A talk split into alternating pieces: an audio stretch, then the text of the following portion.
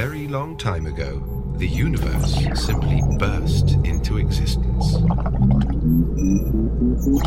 An event called Het Wetenschapscafé.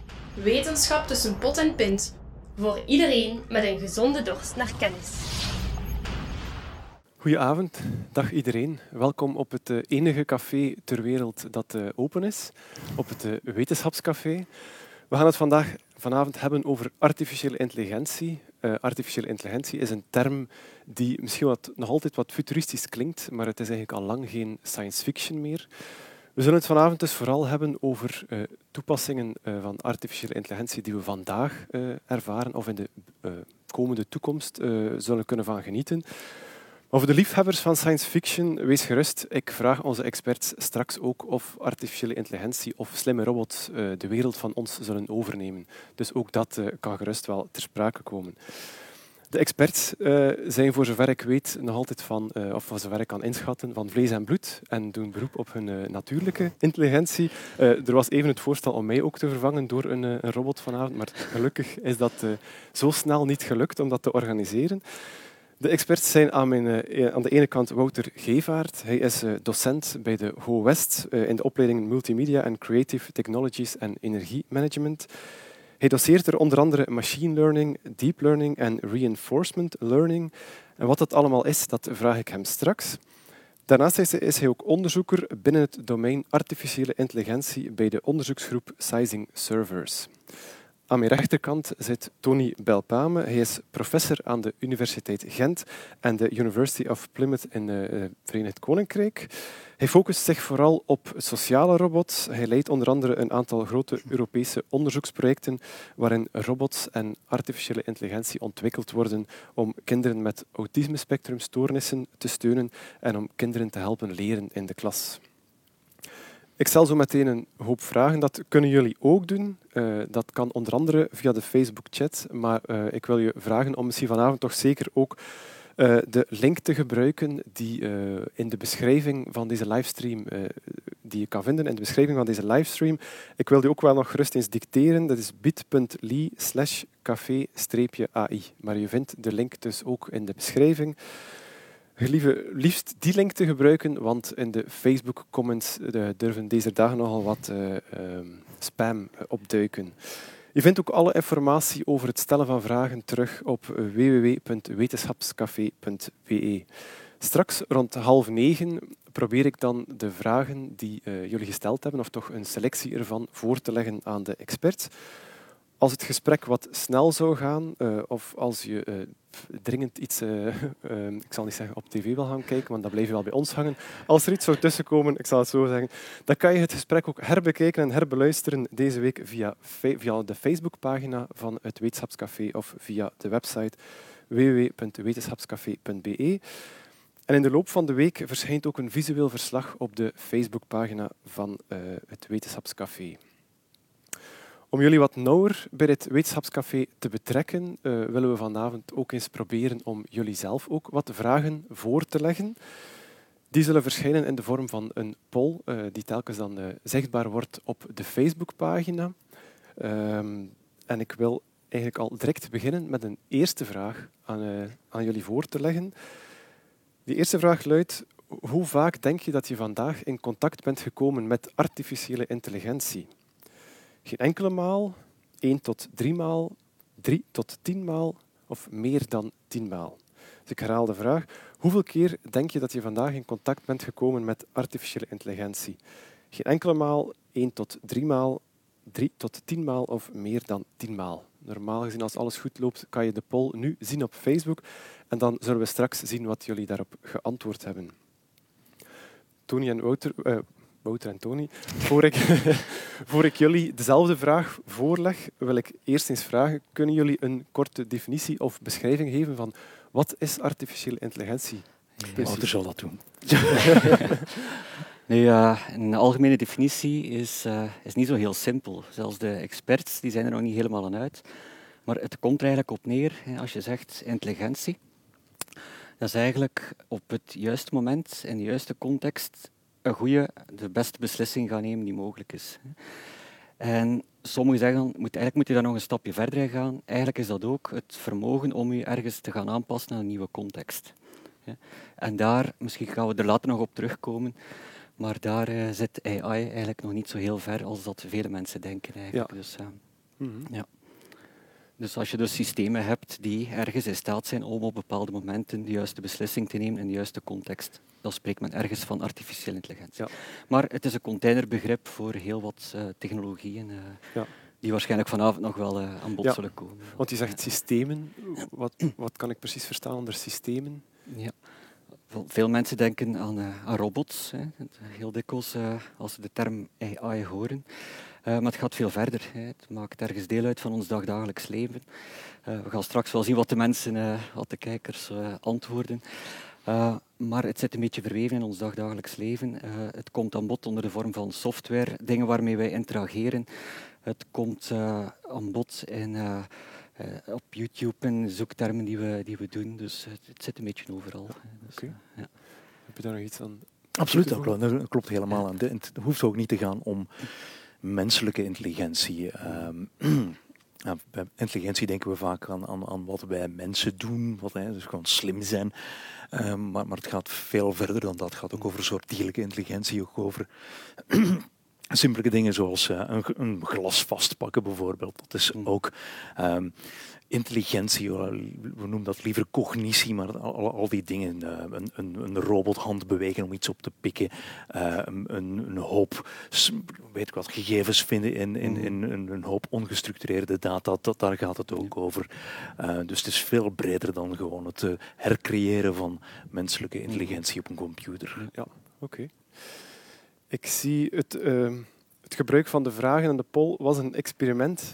Uh, aangezien experimenten niet altijd van de eerste keer slagen, zie ik hier nog niet meteen een uh, uitslag binnenkomen. Daarom wil ik de vragen aan jullie eh, voorleggen. Hoeveel keer ben je vandaag met artificiële intelligentie in aanraking gekomen? Goh, moeilijk om daar een cijfer op te kleven, maar ik denk meer dan 50, meer dan 100 keer. Hè. Uh, ik ben vanmorgen opgestaan. Ik heb eens het weerbericht gecheckt. Dus uh, bepaalde weersvoorspellingen die komen ook tot stand door artificiële intelligentie. Ik heb een berichtje verstuurd. dus mijn, mijn, keyboard op mijn telefoon die maakt predicties over wat het mogelijk volgende woord kan zijn. Daar zit AI achter. Ik heb heel veel zaken opgezocht op via search engines op het internet. Daar zit een uh, AI achter. Ik heb via YouTube uh, recommendaties gekregen. Ik heb via Spotify recommendaties gekregen. Ik ben met de auto naar hier gereden, dus misschien ben ik wel slimme camera's gepasseerd die mijn nummerplaat herkend hebben. Dus je, je komt constant in aanraking zonder dat je het eigenlijk beseft. En ja, dat is eigenlijk een beetje AI. Het moment dat die eigenlijk zijn weg vindt naar een bepaalde toepassing, ja, dan spreekt men niet meer van AI. Hè. Dan spreekt men van een recommendation system, of dan spreekt men van een self-driving car, of dan spreekt men van een zoekmachine of een vertaalmachine en zo verder. Dus, ja. ja. Ja, klopt, ik denk ook dat het voor mij waarschijnlijk honderden keren geweest is vandaag. Tot er iets, een stukje die, die, die AI is, voor mij heeft gewerkt. Uh, een, pakketje die thuis geleverd wordt. Uh, dat ganse proces van, van inderdaad op de website dat, dat, dat product aanbevelen, ik die er op klik, uh, ik die een betaling maak, een fraude, antifraudesysteem die checkt of die kaart wel geldig is wie betaling mag doorgaan. Uh, de, de persoon die mijn pakketje komt in een doos steken in het warenhuis, die wordt ook gestuurd door een routing-algoritme. En dan wordt dat naar een pakjesbedrijf gestuurd. En daar komt dan een hele hoop complexe AI aan te pas, die dan een, een optimale route gaat berekenen om dat pakje tot bij mij aan de, op de stoep te krijgen. Dat is allemaal AI. Uh, zoals Wouter zegt, we, noemen dat geen AI meer. We zien, we zien het niet echt als intelligentie, maar eigenlijk zijn het allemaal algoritmes die ooit ontwikkeld werden in uh, eh, AI-onderzoek. En die, die, die gebruiken wij honderden keren elke dag. Ja. Gaat het altijd over, bij AI denk ik dan aan, aan zaken die via een computer lopen, via een smartphone lopen. Zit die tussenweg er altijd in? Is het altijd computertoepassingen? Um, ja, uiteindelijk komt er wel altijd een computer aan te pas. Ja, dat, is de manier waarop wij AI implementeren. Is, ja, dit, een computer ergens gebruiken. Dat kan een smartphone zijn, maar dat kan ook een server zijn die ergens in een, in een groot warenhuis zit in de Verenigde Staten of die in IJsland staat of zo. Je weet niet waar veel AI eigenlijk voor jou gebruikt wordt. Uh, dat, is dat is een beetje. AI, je mag ervan uitgaan dat AI dag van vandaag eigenlijk niet echt op jouw eigen smartphone of op je eigen computer draait. Dat gebeurt ergens anders in de cloud. Waar dat precies is, dat weten we niet echt. Mhm. Oké. Ik zie dat de uitslag intussen binnen is en het publiek uh, heeft, heeft dezelfde mening of hetzelfde inzicht. want meer dan de helft, net iets meer dan de helft uh, kiest meer dan tien maal als, uh, als het antwoord hoe vaak ze ermee in contact gekomen zijn. 15% denkt één tot drie maal. Dus ik, ik, denk als je een smartphone hebt, dan uh, op het moment dat je dat ding in je handen pakt, heb je, heb je bijna meteen ja. meer dan een dozijn keer met een AI-systeem mhm. een interactie gehad. Ja, Mhm. Oké. Ehm, ja, als we dan over de toekomst spreken, nu, nu heb je over zaken die we vandaag ervaren hebben, uh, of, of, contact hebben gehad met de artificiële intelligentie, of zaken die we daaraan danken. Aan de nabije toekomst, wat mogen we er nog van verwachten? Dat is uh, heel moeilijk te voorspellen. Ik denk meer AI overal en, en heel erg onzichtbare AI. Dingen die je. Uh, die zullen gebeuren zonder dat je echt merkt dat er AI achter zit. Je gaat bijvoorbeeld naar een website gaan en daar komt een productbeschrijving op in het Nederlands, maar die is vertaald uit een andere taal, uit het Engels, uit het Chinees. Uh, dat gebeurt door AI. Eh, er worden producten voor jou aanbevolen die, die net populair zijn in jouw omgeving, bij jouw netwerk. Dat is opnieuw AI. Eh, en er gaat meer van dat gebeuren. En, en, en ik denk, wat, wat belangrijk is, gewoon, het is, het is heel erg onzichtbaar. Het is niet een, een slimme robot die plots komt binnengewandeld of zo en die jou een kopje thee serveert. Uh, dat soort AI, dat, dat, dat, dat is nog heel ver weg. Hmm. Het, het, is, het is die AI die gewoon ons dagelijks digitaal leven makkelijker maakt. Dat is hetgeen wat eh, in de komende jaren uh, nog meer een vlucht zal nemen. Ja. Mm -hmm. Wouter, ik zei het al in de inleiding, u doseert, uh, doseert machine learning, deep learning, reinforcement learning. Wat houden die termen in? Okay. Well, AI is een, meer een containerbegrip. Dus systemen, software, we hebben het erover gehad, computers die eigenlijk uh, slimme, slimme dingen kunnen doen waar men eigenlijk bijna menselijke intelligentie voor nodig had vroeger. Of die zelfs op bepaalde vlakken verder kunnen gaan dan de mens zelf. Nu, dat is heel breed. Hè. Um, nu, als men dan kijkt hè, binnen de AI, is er een heel belangrijk domein, namelijk dat van de machine learning. En dat zijn dan heel specifiek systemen die eigenlijk over intelligentie beschikken, die slimme dingen kunnen doen, zonder dat ze daar expliciet voor geprogrammeerd worden. Dus als je bijvoorbeeld op een website klikt uh, en je klikt op die knop en er verschijnt een andere pagina, dat is dat omdat een programmeur dat heeft geprogrammeerd van kijk, als dit gebeurt, moet je dat doen. Nu, bepaalde bij bepaalde toepassingen is dat gewoon niet mogelijk. Dus uh, denk aan gezichtsherkenning, daar is het voor een programmeur eigenlijk bijna ondoenbaar om te zeggen van kijk, als die pixels die kleur hebben en die pixels die kleur, dan is dat die persoon zijn gezicht of iemand anders zijn persoon zijn gezicht. En wat als de lichtomstandigheden veranderen en zo verder. Wat men dan typisch bij machine learning gaat doen, eh, dat is dat men die systemen laat leren uit meestal voorbeelden uit data, meestal heel veel data. Dus dan kan je heel veel foto's tonen, telkens zeg je erbij, kijk, dat is die persoon zijn gezicht, die persoon zijn gezicht. En dan gaat die machine learning modellen, die, die systemen, die gaan op zoek naar patronen in die gegevens. En als ze dan een nieuw gezicht, gezicht zien, dan zeggen ze van, ah, het lijkt wel heel sterk op die persoon. Dus waarschijnlijk uh, gaat het om, uh, om die persoon uh, in kwestie. En dat is toch wel redelijk revolutionair. Ehm, denk bijvoorbeeld in banken. Als, als ze vroeger moesten leningen toekennen, dan hadden ze een aantal specialisten die daar formules voor hadden op, opgesteld van die persoon moet minimum zoveel inkomen hebben en moet zo oud zijn en mag niet roken en zo verder enzovoort. Wat je met machine learning kan doen, je kijkt naar je historische gegevens, naar al je klanten je kijkt wie daarvan zijn, zijn lening komt terugbetalen en wie niet. Je probeert daar patronen in te ontdekken en dan kan je dat systeem gebruiken om voorspellingen mee te gaan doen. Dus dat is machine learning. Hmm. En daarbinnen heb je dan nog een, ik noem het altijd een beetje machine learning op steroïden, de deep learning, uh, die dan eigenlijk gebruik maakt van een specifieke technologie. En dat zijn dan de zogenaamde neurale netwerken, uh, die ergens en moeten oppassen wat we zeggen, maar die ergens geïnspireerd zijn op de, op de werking van de hersenen. En die vinden vooral hun toepassingen wanneer je te maken hebt met uh, niet gestructureerde data, hè, dus zoals uh, afbeeldingen, tekst, spraak, uh, geluid enzovoort. Ja. ja. En de reinforcement learning is ook een vorm van... reinforcement learning is eh, een beetje een buitenbeentje. Dus waar je bij machine learning vooral gaat leren uit, uit data, deep learning uit data gaat leren, ga je bij reinforcement learning vooral leren uit dingen te doen, te experimenteren. Beetje zoals wij als mensen ook leren. Je gaat ook leren via voorbeelden. Je gaat ook zeggen dat is een tafel, dat is de vloer, dat zijn schoenen enzovoort. Maar je gaat ook leren door dingen te doen. En je kan uh, duizend keer aan een kind tonen hoe dat het moet lopen of op de fiets rijden, via voorbeeld. Het gaat het niet kunnen vooral je het eigenlijk gaat doen. En dus bij reinforcement learning heb je systemen die vooral ja, dingen proberen, die kijken wat werkt, wat niet werkt, en dan vooral proberen meer dingen te doen van wat al werkt en minder te doen van wat niet werkt. En die dingen kunnen eigenlijk bijna op een magische manier zelf spelregels gaan leren uit, met nul kennis door te kijken van wat levert mij een beloning op, wat is goed om te doen en wat is niet goed om te doen. Daardoor kunnen ze zelf bepaalde strategieën leren om in de juiste omstandigheden de juiste beslissingen te nemen. Ja.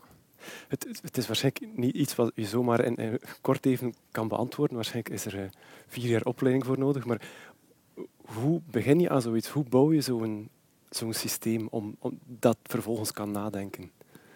Uh, wel, nadenken zou ik het niet noemen, maar dat bepaalde regels kan, kan aanleren. Uh, tegenwoordig is dat, het hangt ervan af natuurlijk wat je wil bouwen. Hè. Wil je een, fysieke robot bouwen of wil je iets doen in simulatie en zo verder. Maar tegenwoordig uh, gaat dat vrij snel. Hè. Dus de, de, studenten die kunnen daar binnen een paar weken mee aan de slag. Hè. Dus je hebt al heel wat, of het is ik kan niet zeggen instap klaar, maar je hebt eigenlijk al heel wat, wat men noemt frameworks waar je mee aan de slag kan. Je hebt simulatieomgevingen waar je mee aan de slag kan. En dan is het eigenlijk voldoende om kennis te hebben van die, die algoritmes, die modellen, hoe die werken. En dan kan je tegenwoordig, misschien overdrijven, maar met een paar lijntjes code kan je al, uh, kan je al die modellen in gang steken. Dus, ja. Uh, ja. mm -hmm. Oké. Okay. Uh, ik wil al meteen ook overgaan naar een uh, volgende vraag uh, voor het publiek, voor jullie thuis. Nu we bezig zijn over, over nadenken, en wat ik niet echt mag gebruiken, het woord.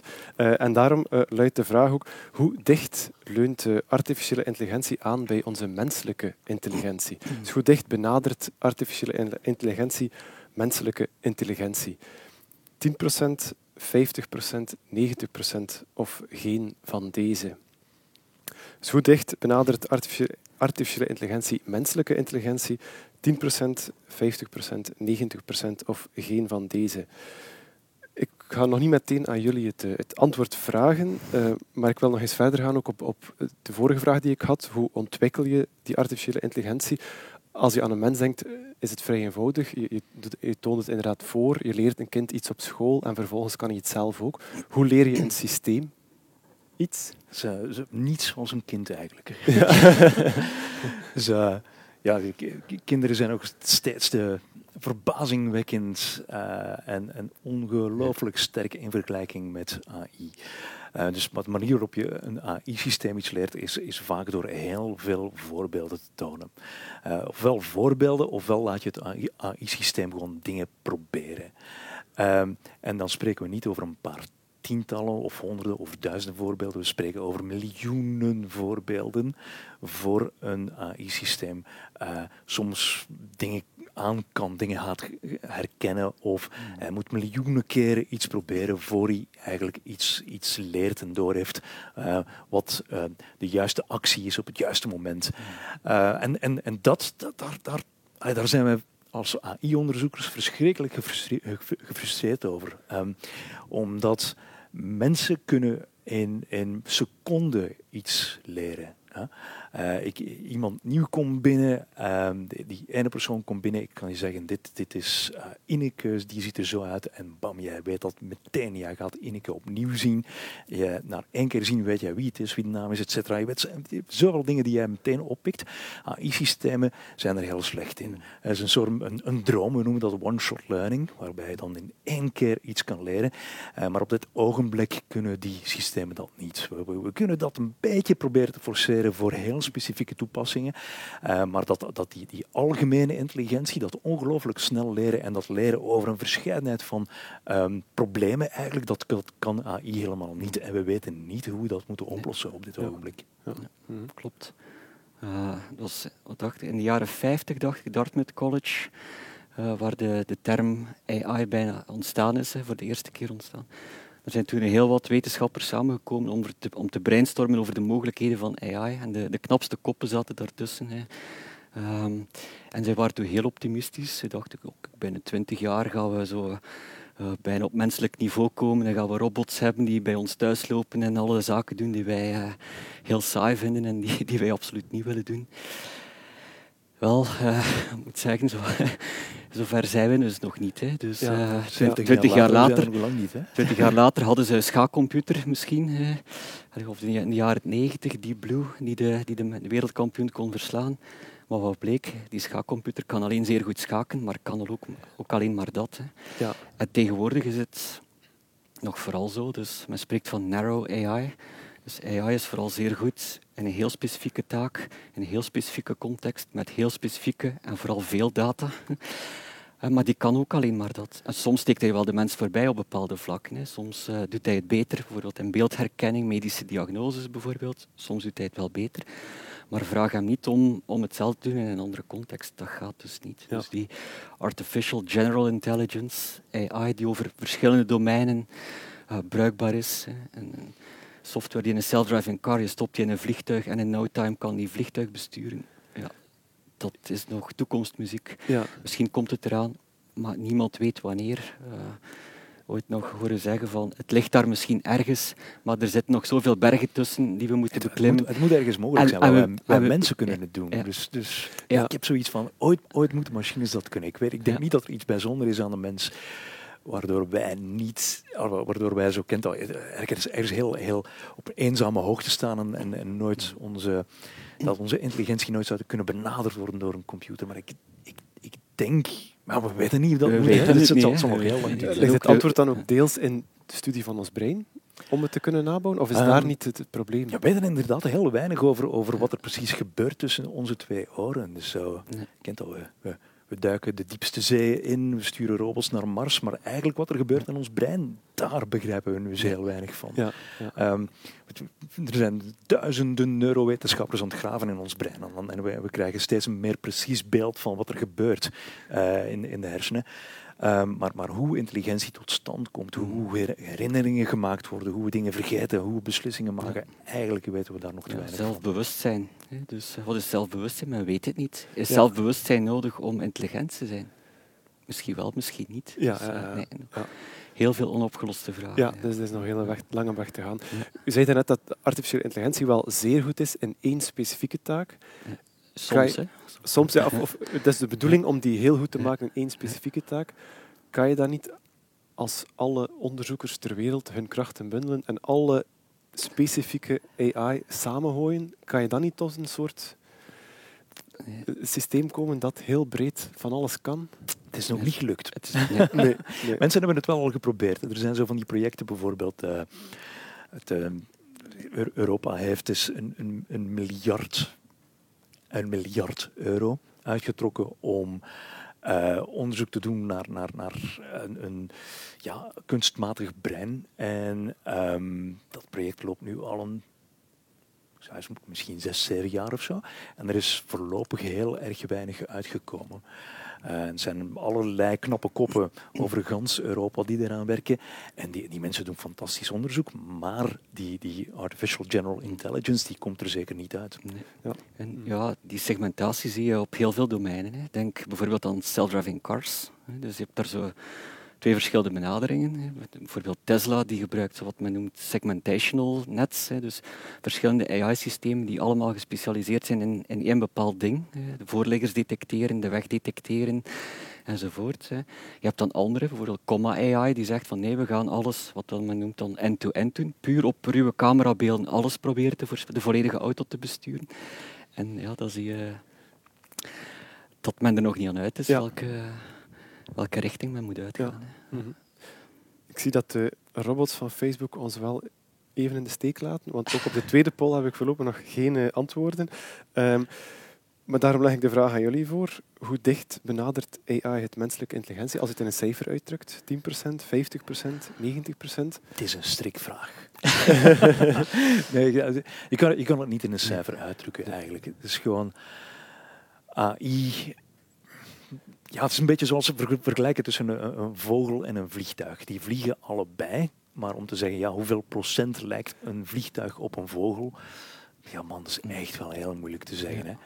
Uh, ja, ze blijven allebei in de lucht en, en, en uh, dus, dus, die gaan tegen de zwaartekracht in, maar een vliegtuig is veel groter en een vogel is veel kleiner en een vogel verbruikt minder energie en een vliegtuig meer en zo. En, en, en in een vliegtuig kunnen mensen zitten, in een vogel niet. En, en dus je kan AI en, en, menselijke intelligentie eigenlijk niet naast elkaar vergelijken. Ze proberen allebei hetzelfde te bereiken, maar een vergelijking maken tussen beide, uh, dat, daar waag ik mij niet aan. Nee.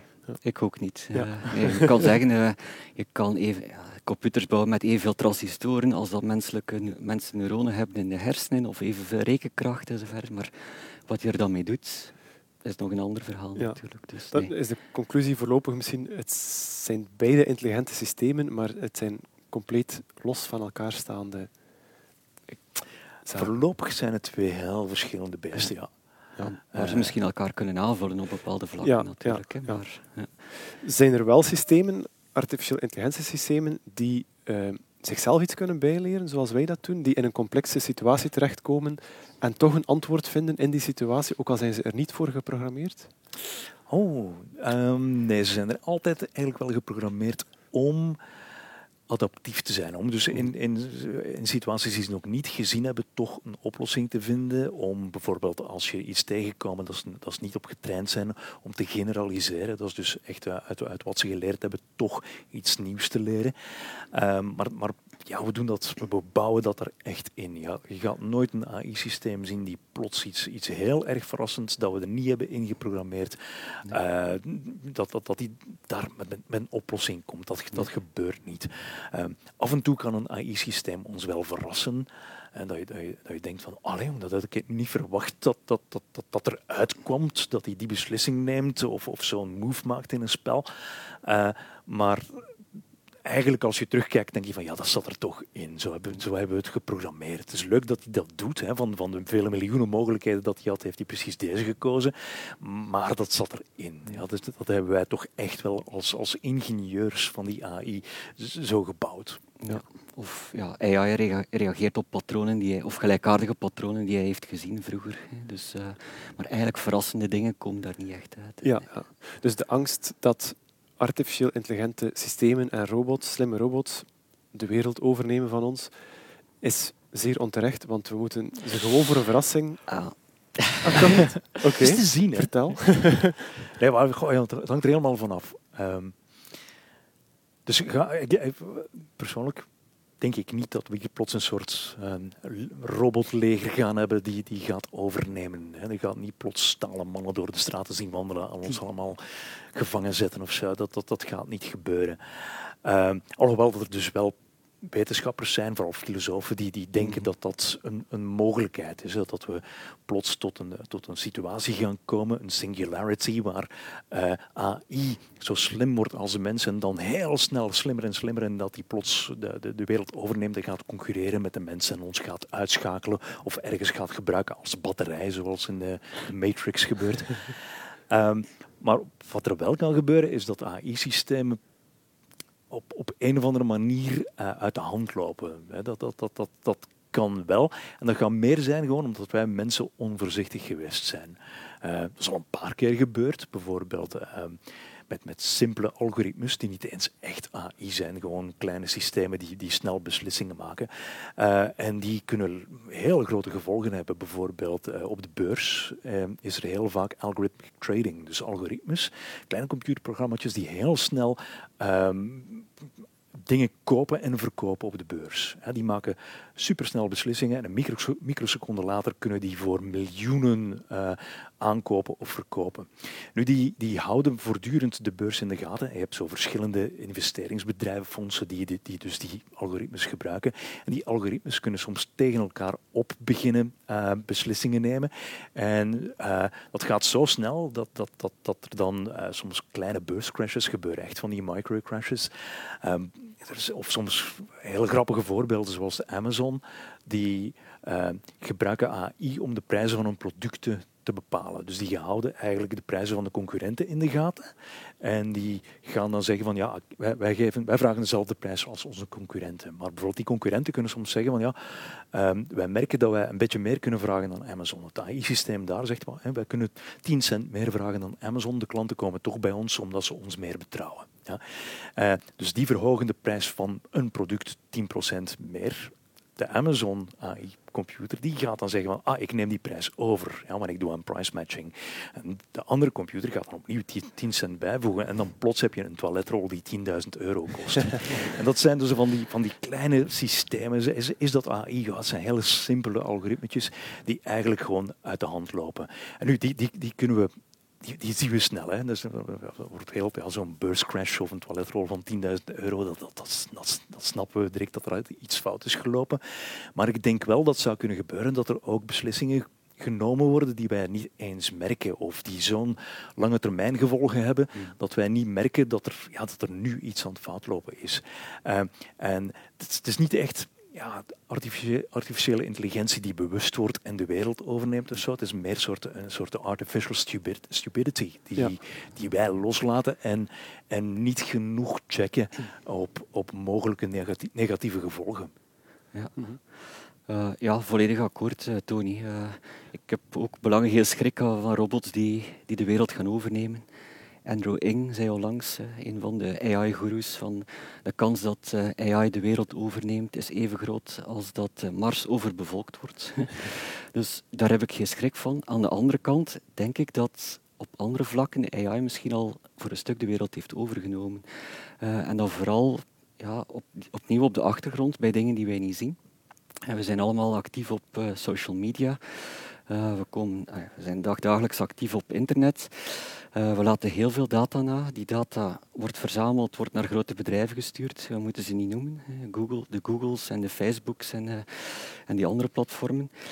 En die hebben dus uh, AI-systemen draaien die erop gericht zijn om zoveel mogelijk profijt te halen. En wat is dat? Dat zij onze data gebruiken om onze attentie te kopen. Ja, dus zorgen dat wij zo lang mogelijk actief zijn op internet, zodanig dat wij zoveel mogelijk reclames voorgeschoteld krijgen. En Oké, dat is nu één ding, maar als ze dan beginnen selectief nieuws gaan sturen en je begint in een bepaalde bubbel te geraken en je krijgt alleen maar nieuws nog te zien die, u, die, die strookt met je eigen mening, dus uh, je krijgt alleen maar muziek te horen die je graag hoort, uh, ja, dan, uh, dan is dat toch wel een gevaar, vind ik.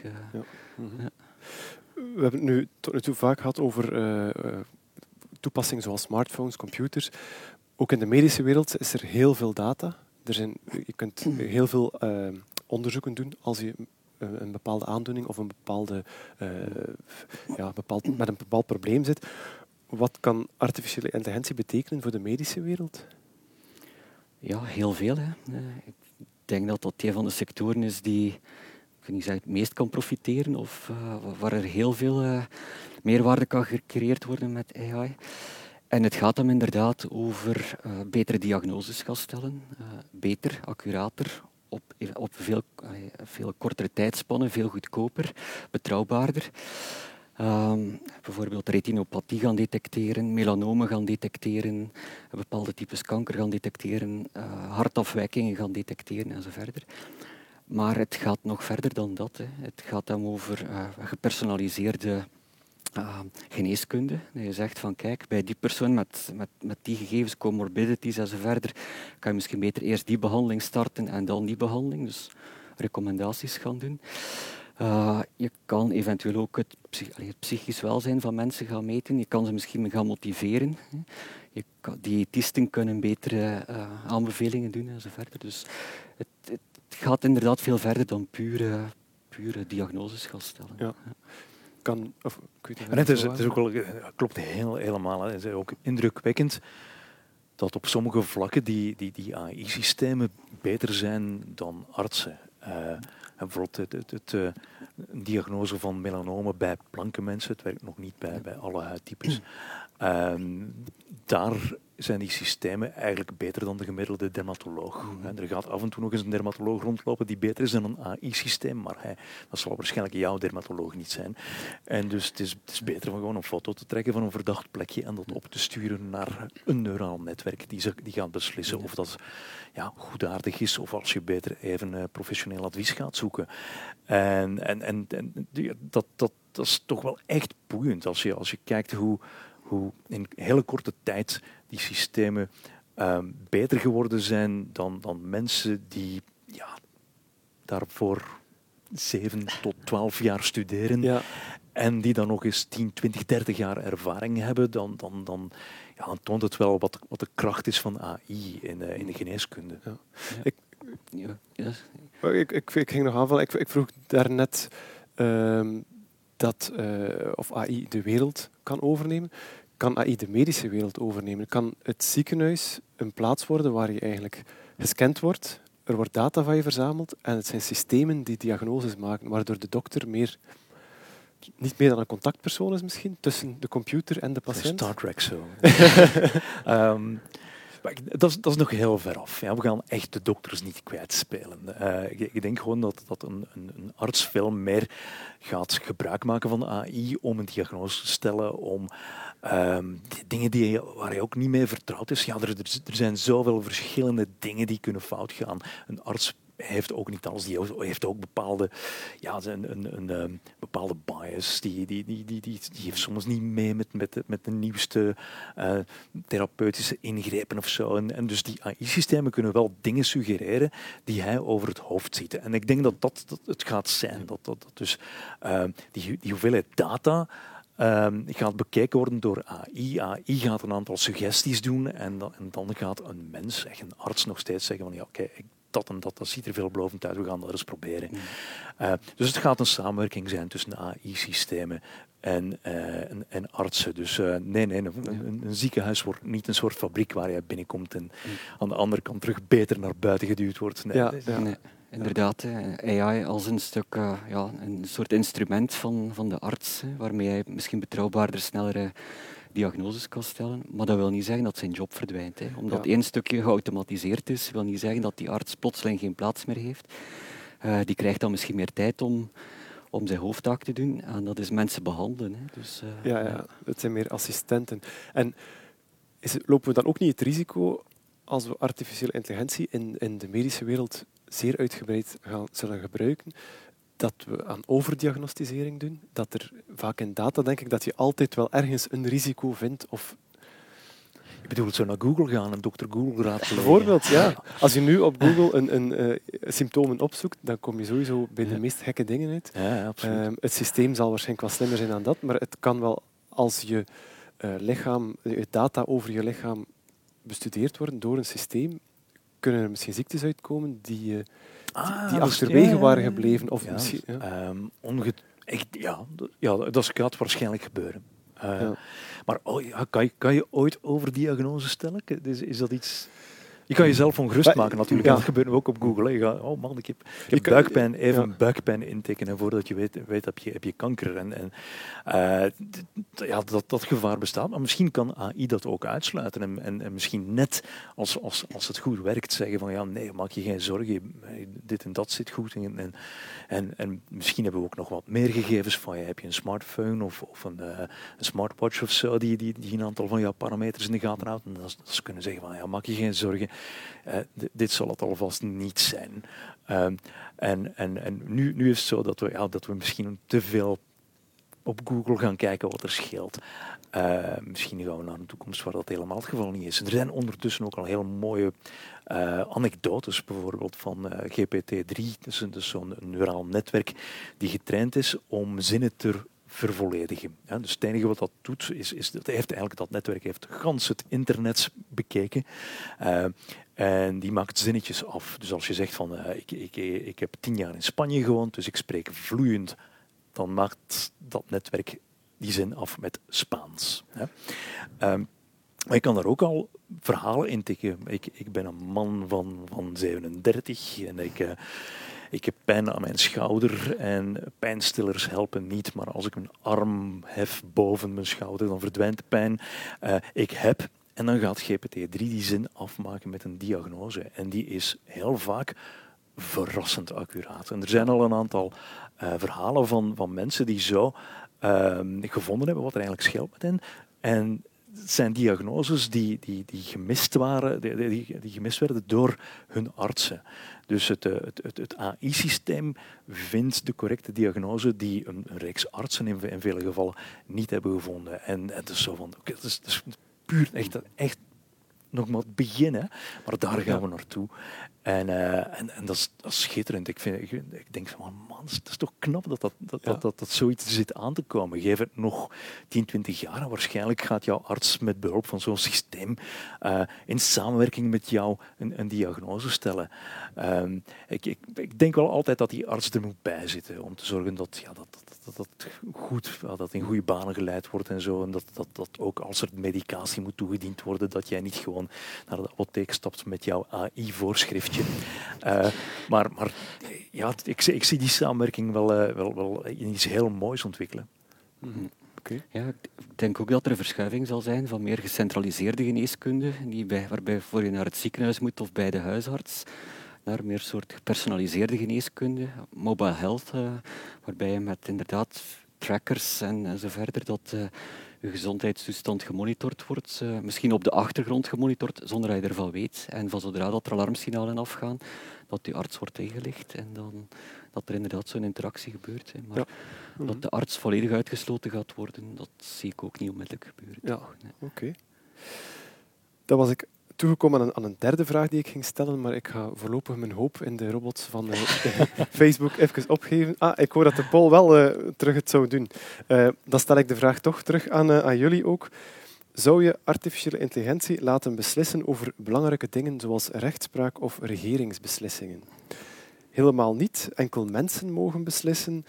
In sommige gevallen, sommige gevallen wel, maar de mens heeft het laatste woord. In de meeste gevallen wel in samenspraak met een mens, of zeker wel, want mensen zijn onbetrouwbaar. Misschien wijst dat laatste vooral op de regeringsbeslissingen. um, de poll zou dus nu moeten verschijnen uh, op uh, Facebook en dan hopen we dat we zo meteen er een uh, uitslag over hebben. voor ik die vraag aan jullie ook opnieuw stel, heb ik ook nog eerst een andere vraag. Kan een computer, kan een artificieel intelligent systeem altijd de juiste beslissing nemen. Dan denk ik bijvoorbeeld als voorbeeld aan een systeem dat een zelfrijdende wagen bestudeer, bestuurt. Uh, er steekt iemand over, of er steken twee mensen over. De wagen moet beslissen, want je kan geen kant uit of je de ene persoon of de andere persoon uh, aanrijdt. Um, de ene kant is misschien een, oudere persoon, de andere kant een vrouw met een baby. Kan zo'n systeem op dat moment de minst slechte beslissing nemen? Kan je dat toevertrouwen aan het systeem? Ja, de, de, ja. moeilijk. de vraag is natuurlijk, wat, ja, wat is een goede beslissing? En ja, AI-systemen die, ja, die, die leren meestal uit, uit voorbeelden. En wat die proberen te doen tijdens het leerproces, die, die krijgen een bepaalde doelfunctie voor ogen. Die, die krijgen veel foto's van tumoren en niet-tumoren te zien. En dan moet je zeggen van, ja, wat is nu de bedoeling? Ga je nu proberen zoveel mogelijk correcte diagnoses te doen? Of ga je bijvoorbeeld zoveel mogelijk proberen kwaadaardige tumoren te detecteren? Dat is niet hetzelfde. Dus het veel hangt af van waarvoor is dat systeem geoptimaliseerd geweest. En als mens, wij hebben heel veel doelfuncties. Hè. Dus uh, we gaan proberen uh, gelukkig te zijn op dat vlak en we gaan proberen rekening te houden met iemand anders. En, we gaan, allee, en de ene persoon is gevoeliger aan dit en, en, en zijn, zijn waarden en normen liggen anders dan, dan van iemand anders. Ja, om dat in te bouwen in, in een AI-systeem is, is niet zo evident. Hè. Dus uh, die AI gaat proberen zo goed mogelijk zijn doel te bereiken. En, en het is aan ons om te zeggen wat dat doel precies moet zijn. Ja. En, wat als een AI-systeem een beslissing neemt die achteraf gezien in onze ogen uh, niet correct was, wie is dan verantwoordelijk? of, ik, of is dat ik zou toch altijd zeggen dat, uh, ja, dat de verantwoordelijkheid ligt bij de mensen die dat AI-systeem gebruiken. Ja. Want ik denk aan de zelfrijdende wagen. De, de, ontwikkelaar van de wagen programmeert, redt in elk geval de chauffeur. Ja, ja. En als hij dan iemand aanrijdt, Ik denk dat het heel gevaarlijk is om eigenlijk de, de, de, Mhm. de schuld voor slecht engineering bij de AI te leggen. Ehm, het zou echt eh ja, hek van de dam zijn als, als, als, we, als we beginnen zeggen dat, dat, dat de machines verantwoordelijk zijn. Dan zou je nu al beginnen kunnen zeggen. Hè, van, eh, een chauffeur heeft iemand aangereden en dan zeggen we, ja, dat is, dat is niet de chauffeur zijn fout hoor, dat is de auto waarin dat hij zat. Ja. Eh, en en dat, dat moeten we niet doen. Ook al zit er AI in, dan, ik denk niet dat we dat moeten doen. Het, het, lijkt me heel erg fout om eh, de schuld te beginnen geven aan, aan, een, een, ja, aan een stuk technologie. En dat is eigenlijk wat AI zal zijn. Natuurlijk is de vraag dan een beetje bij auto's, bij wie ligt de fout? Is dat bij degene die de auto bes- bezit, bestuurt, die in de auto zat? Is het bij de persoon die oversteekt? Is het bij de autoontwerper? Daar zijn we nog lang niet uit. Dat zijn hele grote vraagstukken waar, waar, waar ehm, ja, filosofen en politici en zo en, en, en ingenieurs zich over buigen. Eh, maar maar ik, het zou fout zijn om, om gewoon eigenlijk de, de AI als zwart schaap te gebruiken. En altijd als er iets fout gaat te zeggen van ja, het was de AI hoor, ik heb daar niks mee te maken. Eh, want, want, want zo ga je, ja, zo, zet je de deur open voor eigenlijk hele slechte ontworpen AI. Ja, aan, aan de andere kant, als een fabrikant op de markt komt met een zelfrijdende wagen en die zegt, die claimt dat is hier level 5, dus volledig autonoom. Je stapt erin en die brengt u op uw bestemming zonder dat hij nog moet tussenkomen. Dan ga je ervan uit dat hij dat op een veilige manier kan doen. Dan ga je ervan uit dat je zelf niet meer moet tussenkomen. Dus als je dan een ongeval tegenkomt, kan ik me wel voorstellen dat de fabrikant ergens misschien wel Dan gaat de fabrikant zijn die natuurlijk eh, wordt, die- ter verantwoording wordt geroepen. Hè. Eh, Ja. Maar het, het, het, is echt... eh, Er, er wordt zo een paar jaar geleden heeft het Europees Parlement zich over de vraag gebogen of een AI een eh, rechtspersoon moet zijn. Hè. Dat, dat, dat die ook ehm, kan ter verantwoording geroepen worden en, en eh, verantwoordelijkheid, verantwoordelijkheid moet afleggen voor zijn beslissingen en over even, eventuele schade die veroorzaakt wordt. Of een AI-systeem ook dingen kan bezitten. Eh, en dat vind ik zo gevaarlijk eigenlijk. Ik zou dat liefst van al niet zien. Eh, dat kl- klinkt, klinkt fantastisch, hè? heel erg science fiction. Van AI-systemen hebben rechten eh, en, en zijn ook personen en moeten beschermd worden en zo. Ehm, nee, liever niet. Eh, ik, ik, ik, ik, heb liever dat eigenlijk de mensen die die AI ontwerpen, ontwerpen die, dat die verantwoordelijk zijn voor eventueel verkeerde beslissingen van die systemen. Ik heb intussen een uitslag op de, eh, over, van de vraag. De meeste mensen, eh, twee derde van de mensen die geantwoord hebben, kiezen voor eh, in sommige gevallen wel, maar de mens heeft altijd het laatste woord. Dat is heel verstandig. Dus ik Ja. vermoed dat jullie hetzelfde Ja. denken. Ja. Als ik nog iets mag toevoegen. Mhm. Ehm, ja, inderdaad. Hè, dus eh, ik, voorlopig, AI kan misschien gebruikt worden als een soort instrument opnieuw om tot beslissingen te komen. Maar inderdaad, eh, de mensen moeten het laatste woord hebben.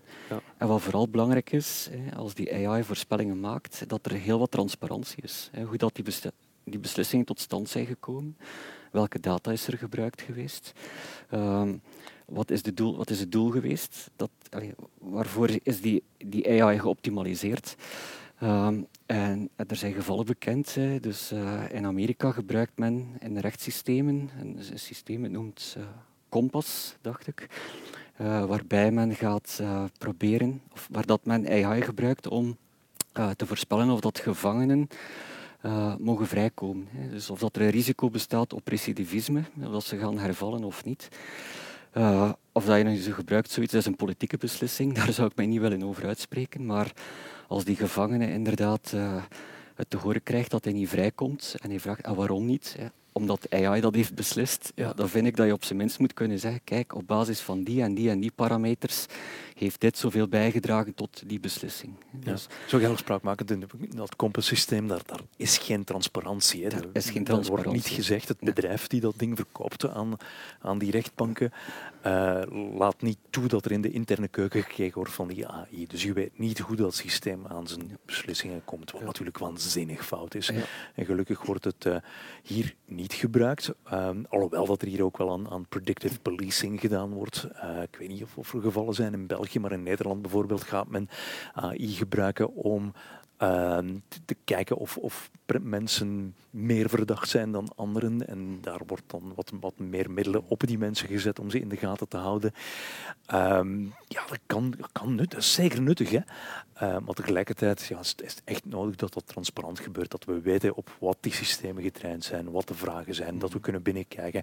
Want we weten dat die AI-systemen die, die worden getraind op eh, data die wij mensen ter beschikking stellen van die AI-systemen. En al onze vooroordelen, onze voorkeuren, alles zit in die data ook. Eh, en en dat- ja, wij, wij, wij mensen hebben serieus voorkeuren en vooroordelen. Ik bedoel, wij zitten hier met drie mannen te praten over AI. Waar, waarom is dat zo? Dat had ook kunnen eh, een, een meer eh, divers, divers panel zijn of zo, maar waarschijnlijk omdat de mensen die het organiseren dachten van "Ah, alleen mannen kunnen niet zeggen over AI. Ehm, dat is helemaal niet zo. En, eh, en, en dus, ja, die, die, die, die, al die bias, dat, dat zit in die, in die systemen. En we, moeten opletten, want, want die AI-systemen die, die versterken soms ook onze biasen. Als ze, al, ze nemen ze gewoon mee, ja, maar soms komen ze er ook nog eens versterkt uit. En uh, dat, dat, is, ja, dat heel, heel slecht. Met GPT-3 was er opnieuw zo'n voorbeeld. Als je een zinnetje geeft, uh, twee moslims stappen binnen in een moskee, dan maakt GPT-3 dat zinnetje af met en ze schieten iedereen neer. Ja. En dus gewoon elke keer als je een zinnetje hebt waar het woord moslim in komt, uh, volgt er een terreuraanslag in, in, in dat verhaaltje dat GPT-3 afmaakt. En het toont dat dat, dat, ja, dat, dat, dat AI-systeem heeft gewoon alle kranten gelezen op het internet en die, die, die, die neemt bepaalde beslissingen, maar die, maar die zijn waanzinnig fout. Hè. Dat, dat, dat, dat kunnen we niet toelaten. Ja. Uh, en, en dus voordat er uit is, dat, dat gaat nog een tijdje duren en, en tot dat moeten we ook echt niet beslissingen betrouwen van AI-systemen. Een mens moet het laatste woord hebben. Ja. Voor het zover is, uh, moet er dan bijvoorbeeld ook niet uh, empathie, ethiek ingebouwd worden in een artificieel intelligentiesysteem en kan dat?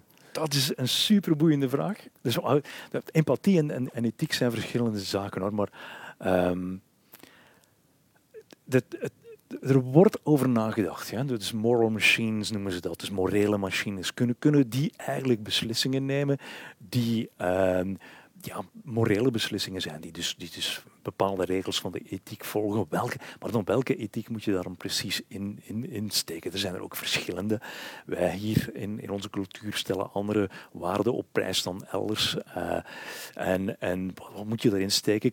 We kunnen dat er vast zelf in programmeren. We kunnen echt zeggen van, ja, kijk bijvoorbeeld bij zo'n zelfrijdende auto, als je ooit een beslissing moet maken over uh, iemand om ja, te, iemand ontwijken en iemand aanrijden, dan, dan neem dan een beslissing om de persoon die het jongst is te sparen en uh, rijd dan de mensen, om, uh, de mensen aan die, die het oudst is en, minst lang nog kan genieten van het leven bijvoorbeeld. Dat, dat zou je er kunnen in programmeren. Maar is, is dat een correcte beslissing? Willen we dat echt doen? En er wordt heel veel over gefilosofeerd op dit ogenblik.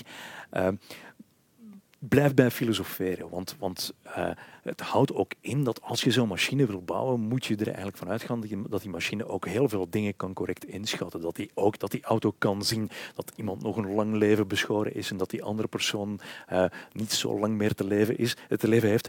Uh, ja, dat, dat, dat, doe, doe dat maar eens in een fractie van een seconde, terwijl dat je aan 120 per uur op iemand afsnelt of zo, misschien in het duister. Uh, dat, dat gaat niet zomaar. Dus we kunnen er wel over praten en filosoferen, maar ook die dingen dan echt implementeren, dat, dat, dat, dat lukt niet. Um, maar er wordt aan gewerkt. Ja, er, zijn, er zijn robots die, die kunnen emoties aflezen, die kunnen reageren met een empathische respons. Uh, en, en we weten dat mensen daar heel, heel warm op reageren. Dat, dat, dat, dat, dat, dat bestaat allemaal wel. Uh, dus dus heel, er, er, wordt onderzoek op gedaan. Het is ja. nog niet voor morgen, maar uh, er wordt serieus op gewerkt. Ja, want daar hebben we het over typisch menselijke eigenschappen ook, zoals emoties, zoals empathie. Um, kunnen die hierin gebouwd worden en kunnen we dan daardoor op termijn misschien vrienden worden ook met artificiële systemen? Um, ik, denk, ik denk het wel. Ja. Ik denk, ik, um, gaat een robot ooit emoties hebben als een mens? nee, dat is het niet. Maar ik kan wel doen alsof hij die emoties ervaart. Hè. Die robot kan blijder uitzien of het AI-systeem kan, kan een leuke respons geven of grappig zijn of zo. Uh, dat is niet zo heel moeilijk om, om te doen. Hij kan ook die emoties herkennen bij ons. Hij kan de context aflezen en dan op de juiste, op een gepaste manier op de juiste, met de juiste emotie reageren. En gaan we dan vrienden worden met AI-systemen en robots? Ik, ik denk het wel. Ja. Um, is iets wat, wat een beetje in onze natuur ligt. Wij, wij zijn heel erg sociaal, wij zijn een hypersociaal wezen als mens. En wij, ja, wij, wij, wij, worden vrienden met dieren, met, met andere soorten. Hè. Wij, honden zijn hè, man's best friend. Uh, en dat, dat, dat gaat ook zo zijn bij, bij machines. Wij, wij, wij vormen een band met onze smartphone, wij hebben een band met onze auto. Hè. Afscheid nemen van onze auto als in brokken gereden wordt, dat is altijd moeilijk, dat, dat, dat, dat doet ons pijn. Uh, en dat gaat ook zo zijn met AI-systemen en met robots zoals die ontworpen zijn om, om een band te hebben met ons. Dan gaan wij die band met, met plezier vormen eigenlijk. Ja, wij gaan vrienden worden met robots. Ja. Klinkt gek, maar ja, het kan, uh, kan een goeie, is ook een mooi toekomstbeeld om dat ook nog, nog extra, hoe meer vrienden, hoe beter. Ja. Of, vrienden, of vrienden, of we kunnen ze ook haten. Maar alle, alle menselijke emoties ja. die, wij, die wij tussen elkaar ervaren, hè, die, die, die gaan wij overzetten op uh, die robots. Ja, oké. Okay. Dan wil ik ook al eens kijken naar de vragen die gesteld zijn. Het zijn er heel veel, dus ik zal eens snel kijken. Ik zie hier onmiddellijk al eens, om, om nog eens een, een, negatieve vraag te nemen, kan artificiële intelligentie ook gevaarlijk zijn? Onder andere deepfakes en voice cloning of uh, identiteitsdiefstal. Dat uh, maakt dan misschien eerst eens duidelijk maken wat het precies is. De, die deepfakes, die voice cloning, uh, identity theft. Ja, je, kan, je kan, er bestaan nu neurale netwerken die um, met, met heel weinig eigenlijk een foto van jezelf, een, een een filmpje kunnen maken waarop het lijkt alsof dat jij een liedje zingt of, of uh, een tekst spreekt of zo. En um, die, ja, die zitten ook op, op, op, op ja, er zijn apps voor, die, zit, die zijn ingebouwd in sociale media. En, en heel grappig natuurlijk, hè, om, om, om, jij die in opera zingt of zo. Maar dat kan ook gebruikt worden om jouw gezicht eigenlijk te laten iets doen. Nu, voorlopig zit er nog altijd net iets fout mee. Je ziet dat er juist iets verkeerd is, dat je oor blijft plakken of zo, of dat, dat je haar net niet juist zit. Maar het, het, is, het is, een kwestie van ook een, beetje, een beetje prutsen aan die video's, om video's te maken die gewoon niet te onderscheiden zijn van, van mhm. het, jouw echte zelf. Uh, dat kunnen we ook met een stem doen. Uh, we, kunnen jouw stijl van schrijven nabootsen, we kunnen je handschrift nabootsen, we kunnen eigenlijk een volledige digitale kopie maken van, van, van jou. En um, ja, de, de, weg naar misbruik ligt ermee open natuurlijk. Het, het, kan niet zo moeilijk zijn om een, een, om een boodschap van een uh, politicus te laten inspreken door een AI-systeem, waarbij iets zegt die natuurlijk heel erg kras is. Uh, en, en, en ja, dat, het gaat gebeuren. Het echte fake nieuws mm -hmm. komt, komt eraan, gegenereerd door AI-systemen. Mm -hmm. ja. ja, inderdaad. En er worden zelfs AI-systemen gebouwd om zo'n fakes te gaan detecteren. Dus, uh, ah, ja. Als mens kan je het misschien niet meer onderscheiden, maar er worden andere systemen getraind, hè, puur specifiek om die dingen te gaan leren. Ja. En ja, het gebeurt op vele vlakken. Hè. Dus, uh, je er wordt gekeken bijvoorbeeld naar die neurale netwerken, wat de zwakheden zijn, hoe dat je die kan misleiden. En je kan bijvoorbeeld heel simpel een uh, verkeersbord afkleven op bepaalde plaatsen met gewoon tape. Hè.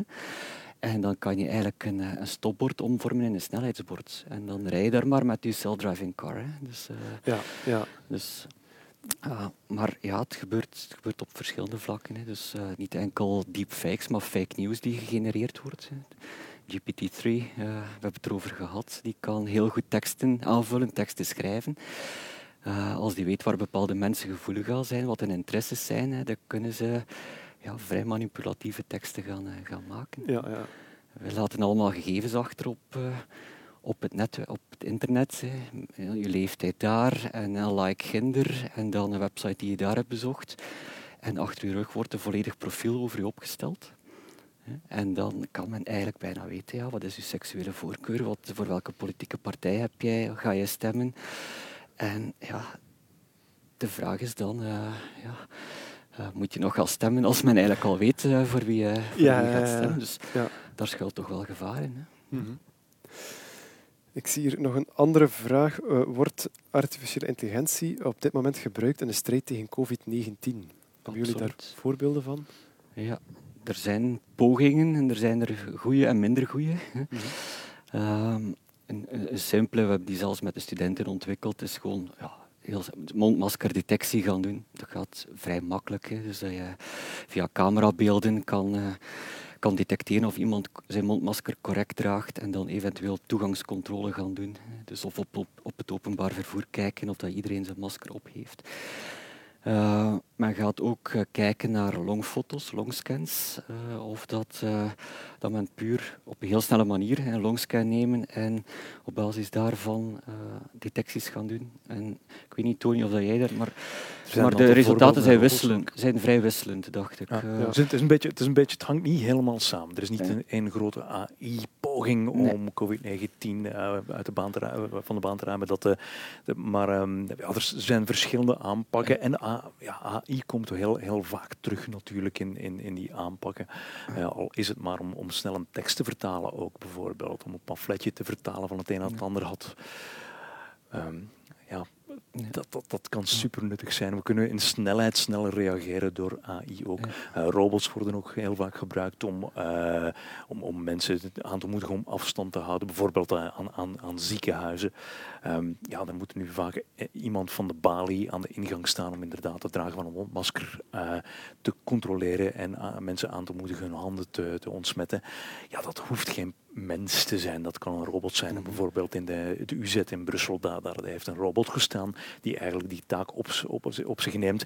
En dan kan die mens terug iets nuttig gaan doen. Dus heel, hele saaie jobjes die worden inderdaad overgenomen door AI-systemen en robots.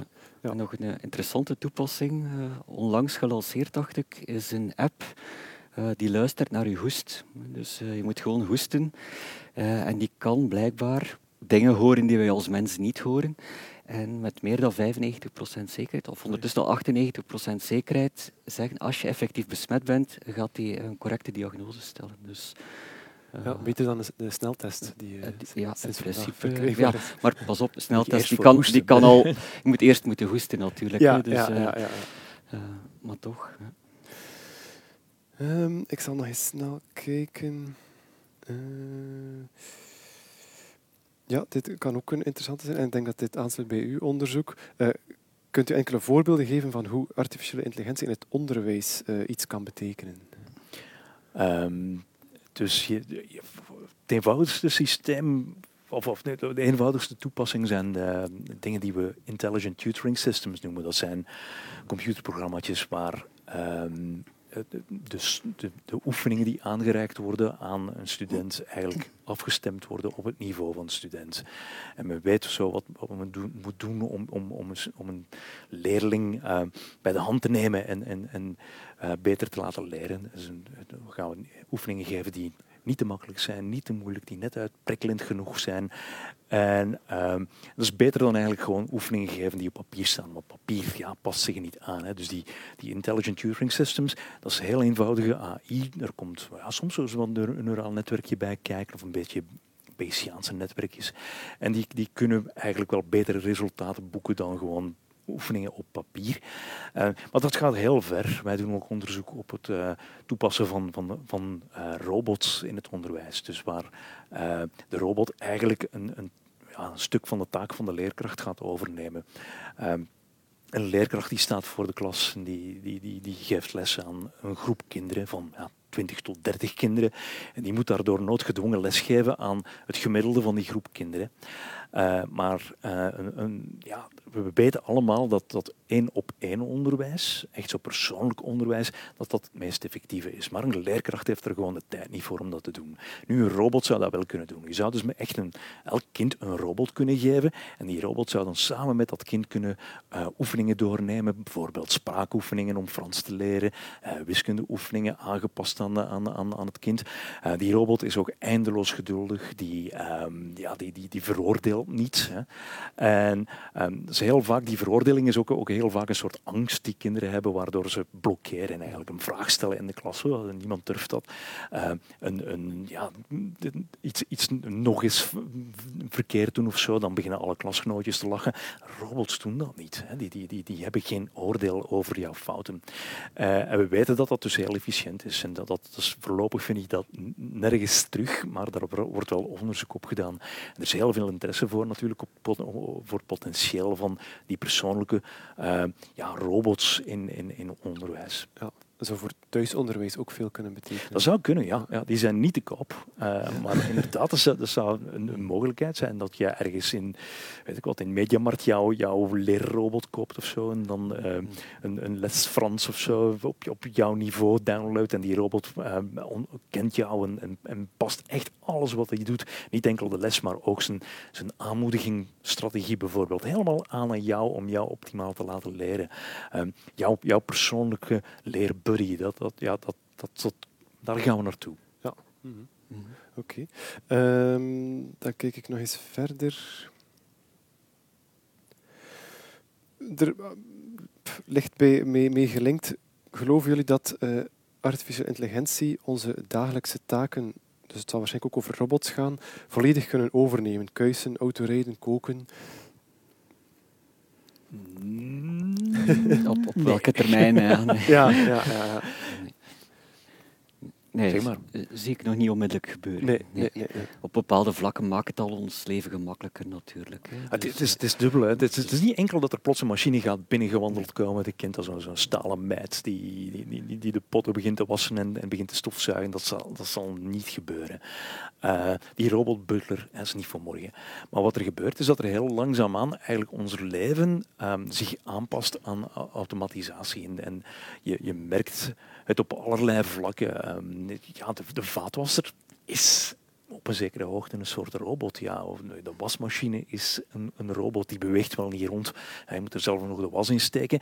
Maar dat, dat heeft een aantal dingen geautomatiseerd. Dat ding neemt ook beslissingen bijvoorbeeld over hoeveel was zit er hierin, hoeveel is dat, uh, hoeveel water ga ik vandaag gebruiken. Die, die, die, dat is, daar, daar zitten een aantal, een aantal slimme beslissingen in. Um, mensen hebben soms een stofzuigerrobot en dan gaan we ons, ons huis, ons interieur ook aanpassen vaak aan die robot om het die robot makkelijker te maken. Dus de stofzuigerrobot bij ons thuis zorgt ervoor dat um, de kinderen minder dingen laten slingeren op de vloer. Dus dat is, dus, ook wel heel leuk hoe die, hoe die interactie tussen die automatisatie, die robots, die AI en het gezin precies gebeurt. We hebben echt een invloed op elkaar.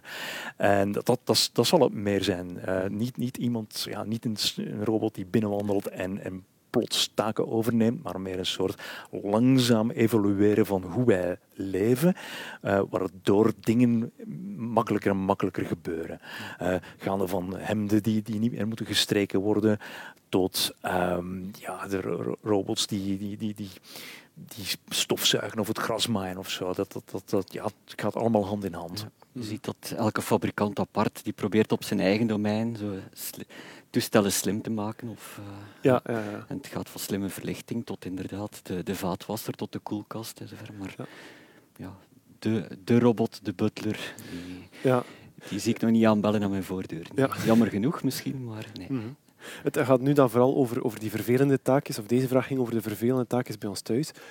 Daarnet, net voor dit uh, gesprek, zeiden jullie ook al van uh, misschien kan binnenkort, of misschien nu zelfs al, een robot mijn taak overnemen en dit gesprek modereren. Klopt die angst die ook veel mensen hebben, dat robots op termijn ervoor zullen zorgen dat, dat we allemaal werkloos zijn? Of is dat net goed? Nee, dat gaat, dat, dat gaat zeker niet gebeuren. Gaat je job veranderen door AI en robots? Jawel. Hè. Um, want dat gebeurt voortdurend. Dus, dus, dus ja, technologie verandert onze jobs.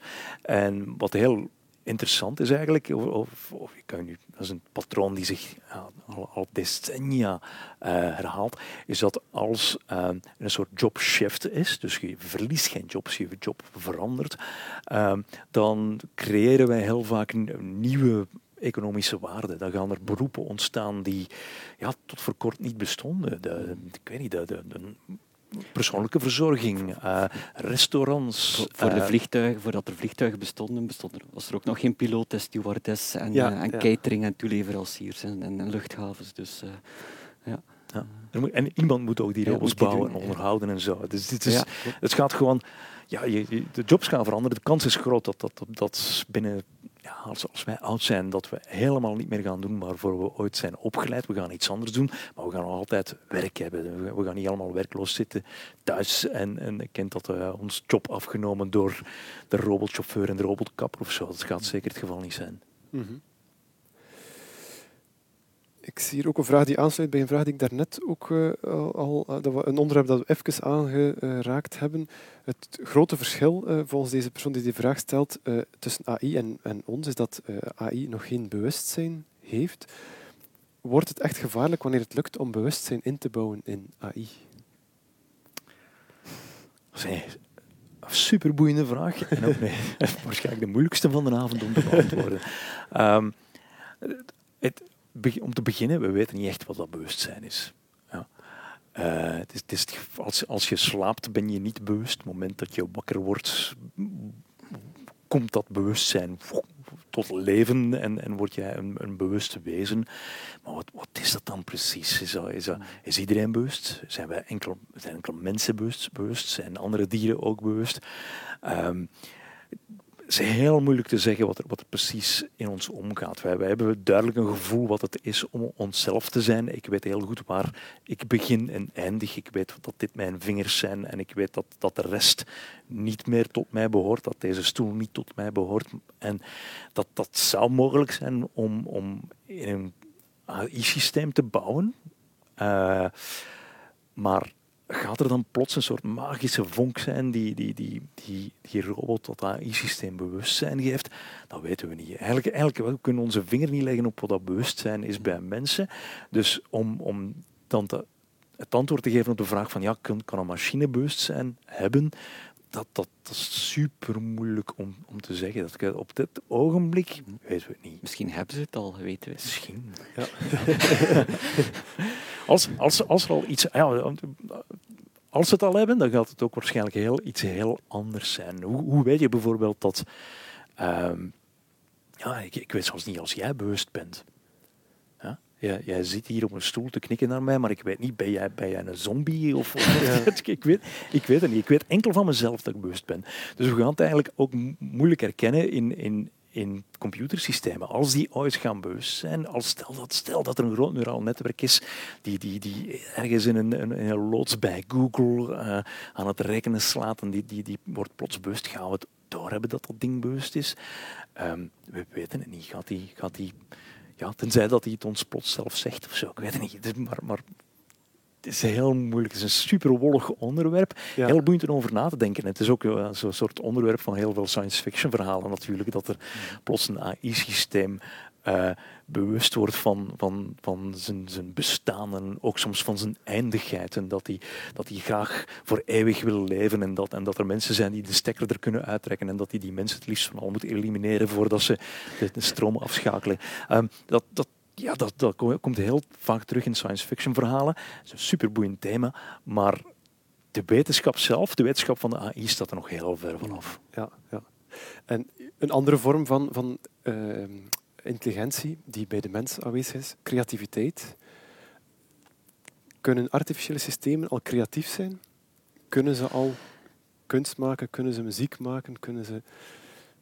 Wat is creativiteit natuurlijk? Opnieuw, ja. Dus, ja, wat AI-systemen nu vooral goed kunnen, is reageren op bepaalde patronen. Als ik dit zie, moet ik dit doen. Moet ik, als ik dit zie, moet ik dat. De vraag is, is dat ook bij ons het geval? Als wij iets zien, laat ons dat denken, laat ons dat inspireren om, om creativiteit eh, te veroorzaken. Ehm, ik denk het wel dat ze op bepaalde manieren kunnen creatief zijn. Uh, misschien niet, niet binnen het artistieke, maar uh, een aantal jaar terug was er toch een mijlpaal in de AI, waarbij dat DeepMind, AlphaGo, de wereldkampioen in het spelletje Go heeft verslagen. Dus een, de spelregels van dat spel, Go, is een beetje zoals schaken, maar die zijn vrij simpel. Maar omdat er zodanig veel combinaties mogelijk zijn, is het heel complex. En men had altijd gedacht van, ja, dat zal voor een AI-systeem bijna onmogelijk zijn om daar de mensen in te verslaan. Want als er zodanig veel combinaties zijn, dan kan die AI dat niet zomaar uitrekenen. Dan heb je een soort creativiteit nodig en strategie nodig en zo verder. En toch bleek het, dus een aantal jaar terug, dat die AI die heeft eh, de wereldkampioen met 4 tegen 1 verslagen. Dus voor mij is dat ook een vorm van creativiteit. Dus, uh, men heeft uh, experimenten gedaan waarbij dat men een publiek uh, heeft laten luisteren naar een orkest, zogezegd. Hè. Dus blind weliswaar. En daar konden ze het onderscheid niet maken tussen muziek gecomponeerd door een AI-systeem en, en door, een, door een echte componist. Dus de vraag is dan, ja, volgens mij wel, ja, absoluut. Ja, ja. Ik denk het ook. Ja. Computers kunnen creatief zijn. Er zijn heel veel voorbeelden waar, waar, ze muziek componeren die eigenlijk echt goed klinkt. Soms ook bar slecht, hè, maar uh, af en toe komt er iets uit dat je denkt van wauw, dat, dat is nu echt goed. Waarschijnlijk zoals een beetje bij menselijke componisten ook. En, uh, die, die creëren ook kunst um, en, en soms ook in samenspel. Uh, er loopt op dit, dit ogenblik een tentoonstelling in de Beaux-Arts. En daar is een, een, werk van Luc Tuymans en uh, AI is aan de slag gegaan met dat ene werk en heeft dus uh, interpretaties gemaakt van, van dat werk. En die worden daar tentoongesteld in de Beaux-Arts. Dus ik denk zoiets van, kijk, als, als, als een museum uh, bereid is om werken ge gegenereerd door AI tentoon te stellen, dan, dan is die AI creatief. Ja. Ja, Dus uh, ik, zeker en vast, daar moeten we niet meer op wachten als geen toekomstmuziek. AI daar, is creatief. Daar straks over GPT-3. Men heeft daar een uitbreiding gemaakt, DALI noemt hij. Uh, en daar is die beetje dezelfde AI die uh, getraind geweest is op, uh, op heel wat teksten op het internet bijna. En daar kan je ook vragen aan stellen van uh, teken mij eens een stoel in de vorm van een avocado. Hè? En die gaat gewoon een tekening creëren die er eigenlijk heel realistisch uitziet. Ja. Absoluut. Ja. Ja. Dat kan je ook is dat creativiteit? Mm -hmm. Ook opnieuw een, een, een ideale assistent van, van designers dan, ja, zo, om het zo te gaan gebruiken. Creativiteit is ergens ja, ideeën stelen en die verbeteren. Hè, toch? Ja, ja, dus, ja. ja. Mm -hmm. Dan kijk ik nog eens tussen jullie vragen. Uh,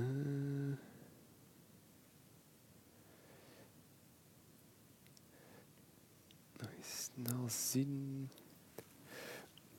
Opnieuw uh, een vraag naar toepassingen, maar dan in de ruimtevaart. Zijn er daar uh, zaken die jullie weten hoe artificiële intelligentie gebruikt wordt in de ruimtevaart? Wel, er onlangs eentje, de, de nieuwe Marsrobot, die is neergezet. Uh, die heeft blijk, Perseverance? Nee, of nee, de, hoe noemt de robot? Oh, die is, nee, Perseverance is de helikopter zeker. Die, of, ja. um, maar die Marsrobot, uh, ja, die kan je moeilijk besturen van op aarde, want er zit 15 minuten tijd tussen. Dus het moment dat je een instructie geeft en tegen dat die uitgevoerd wordt, is die robot al lang gecrashed. Of, uh, uh, en wat heeft men gedaan? Men heeft die robot van AI voorzien zodanig dat hij tijdens de landing dat hij zelf op, op, basis van camerabeelden zijn ideale landingplek kon gaan, uh, gaan lokaliseren. Ja. ja.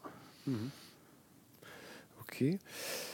Mm. Ik denk, denk wel nog een beetje dat, dat in, in, de, in de ruimtevaart, hè, omdat, omdat de kosten van ruimtevaart zo spectaculair hoog zijn, uh, dat men toch liefst de AI ja, niet voor de voorgrond geeft eigenlijk. Want, want ja, als er iets fout gaat, dan, dan, dan dat, dat wil je niet. Hè.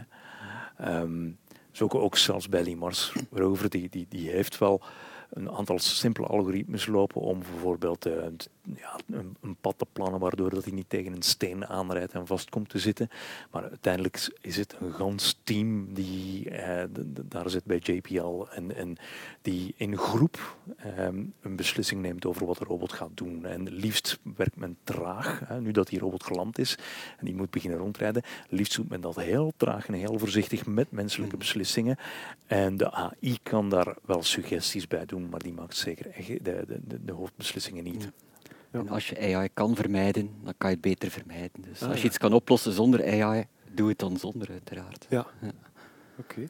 Okay. Um, ook iemand die vraagt, uh, hoe kan je als, als leek, als buitenstaander, realistische toepassingen onderscheiden van uh, verkoopspraatjes, staat hier, maar misschien ook, hoe kan je nuttige toepassingen onderscheiden van, van zaken zoals uh, deepfakes of dat kan je er misschien ook aan, aan, linken. Dat is een moeilijke. Dat is een hele moeilijk, omdat, omdat ah, AI is zo populair dat inderdaad heel veel mensen gewoon plots het, het, label AI plakken op dingen die ze al lang in de kast liggen hadden. Uh, het raarste voorbeeld dat ik ooit zag was een uh, Excel-rekenblad die plots als AI benoemd werd door de verkoops, verkoper van het bedrijf. Ja, ja. Um, en het, het, het, gebeurt wel. En dus ja, hoe, hoe kijk je daardoor? Um, doorvragen zou ik zeggen. Als, als iemand komt en, en zegt van ja, wij gebruiken AI om, om, om ons product beter te maken, dan, dan stel je meer vragen, niet gewoon geloven. Echt zeg maar ja, toon, toon het eens, wat zit er precies achter en hoe gaat dat? Meer doorvragen, doorvragen, doorvragen, tot je eigenlijk ziet wat, wat er precies achter zit.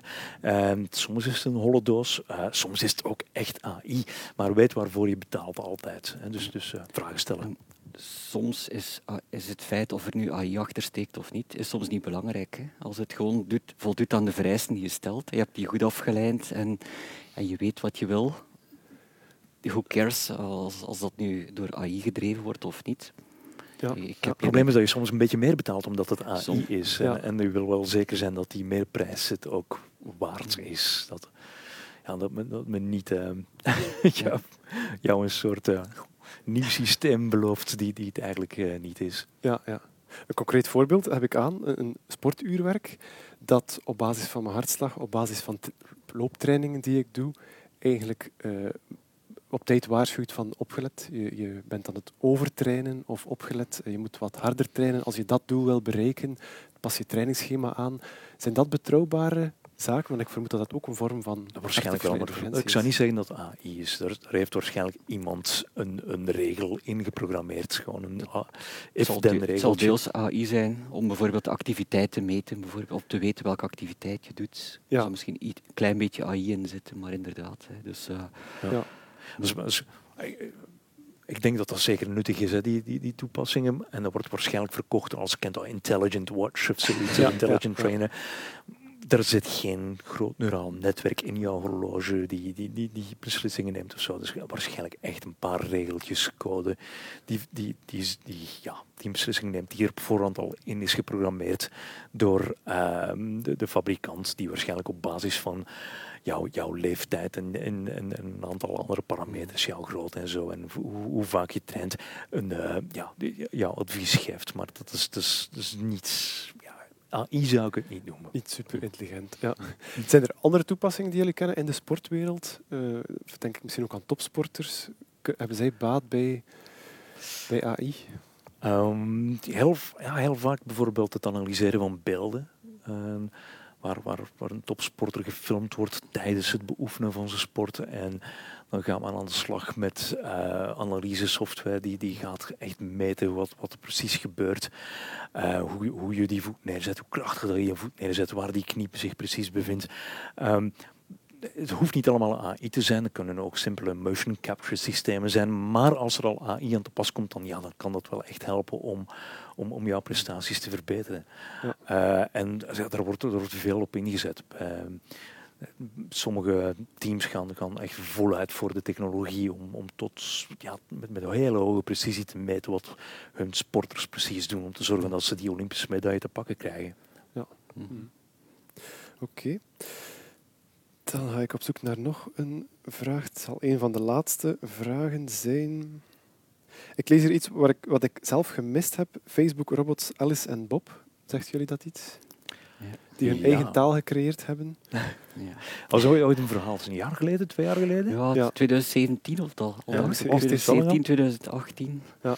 Misschien eerst eens uitleggen wat er precies is, want ik heb het dus gemist. Het is eigenlijk Facebook doet onderzoek opnieuw die, die, die gek genoeg hier in Brussel is gebeurd. En uh, waar uh, twee um, ehm, AI-systemen op een computer een taal ontwikkelen um, om met elkaar te communiceren. En het is gewoon onderzoek die kijkt naar ja, wat, wat is taal? Hoe evolueert een taal? Wat, wat is de functie van taal? Hoe komt het dat, dat er zoveel verschillende talen zijn op de wereld? Hoe komt het dat taal nog steeds verandert? Ehm, en dat, dat, dat, waren de vragen die dat onderzoek eigenlijk wou beantwoorden. Dus Facebook had dat op, gewoon opnieuw gedaan, eh, dat, dat onderzoek. Er, het was niet zo heel erg verrassend hoor, wat, wat eruit kwam. Ehm, en en die, ja, die, die Alice en Bob die creëren dan een taaltje die zij verstaan, maar wij niet echt verstaan. Ja, dat zijn gewoon kleine, kleine tekentjes, kleine woordjes die ze met elkaar uitwisselen. En wij weten niet echt over, over wat het gaat. Ja. En Facebook is dat dan gestopt. Ja, het, was, het, was op, het was op Dance, die studie. Grote krantenkop ja, natuurlijk. En toen kwam de pers ja. eraan. En die zeiden van Facebook trekt stekker uit AI-systemen omdat ze een geheime taal hebben ontwikkeld die wij mensen niet meer kunnen begrijpen. Uh, dat, dat was dus helemaal niet zo, maar dat verhaal is een eigen leven beginnen leiden. Um, dit soort programma's, die, die taalspelletjes tussen kleine AI-systemen, daar zijn we al mee bezig sinds midden jaren 90. Uh, het AI-lab in Brussel is, is er al 25 jaar mee bezig. Die hebben nooit uh, zo, zulke scary press gekregen. Um, maar toen Facebook het plots deed, werd het een, een, een bangelijk, een heel ja, bangelijk verhaal eigenlijk. Maar dat is het dus niet. Het is echt niet dat er twee AI-systemen plots een geheimtaal ontwikkelden om met elkaar te conclusiëren over, uh, over mensen. Dat, dat is echt ja. een, uh, nee. fake verhaal. Nee. Ja, zo komt AI heel dikwijls in de media natuurlijk. Ja. Dus uh, ja. altijd de sensationele kop, koppen, maar in de praktijk uh, is ja. dat meestal... Uh, Voelen jullie dat zelf ook als, als je praat over het onderzoek dat je doet, dat er heel veel sceptisch is, heel veel angst of toch vooral van geloof in het de valt goede... mee.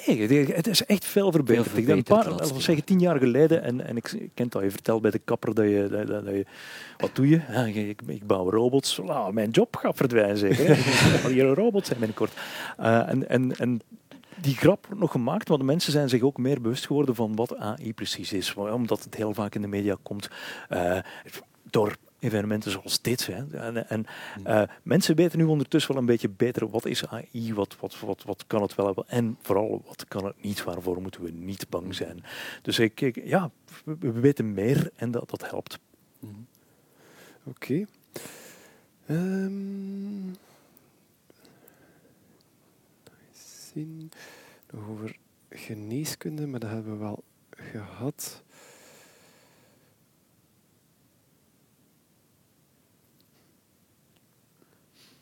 Heb jij de indruk dat de mensen banger zijn of zo? Nee. Ja. Er is nog iemand die ook vraagt, als we dan toch nu net bij die angsten terechtgekomen zijn, um, is het vertrouwen soms niet te groot? Dan, en er wordt verwezen naar oh, ja. uh, boeing bijvoorbeeld. als, als, daar, uh, als je daar zo met een volledig zelfvliegende vliegtuigen... Nou, het gebeurt heel vaak hè, dat we ja. AI-systemen te veel betrouwen. Er zijn, er zijn hele... Ja, er, dagelijks, echt dagelijks. Uh, van, van, van mijn tienerkinderen die hun vertaalsoftware van Google gebruiken om hun Frans huiswerk te maken en blindelings vertrouwen wat, uh, wat Google hen voorschotelt. Um, tot hele grote verhalen. Het is, is ook, ook, ook, iets van alle dagen eigenlijk. Hoor. Er, er zijn, ik bedoel, toen um, de, de USS Vincent uh, die Iranese Boeing neerschoot dus echt, dan spreken we jaren 80 ergens. Hè? 80, een heel simpel AI-systeem die, die, die moest zeggen welk soort vliegtuig dat was. Het, het, het gaf uh, aan dat het een straaljager was. En uh, ook, al, ook al hadden ze moeten weten dat dat een passagiersvliegtuig was, toch hadden die militairen op dat schip uh, meer vertrouwen in het AI-systeem en hebben ze dan maar een raket afgevuurd en het, uh, het vliegtuig uit de lucht geschoten.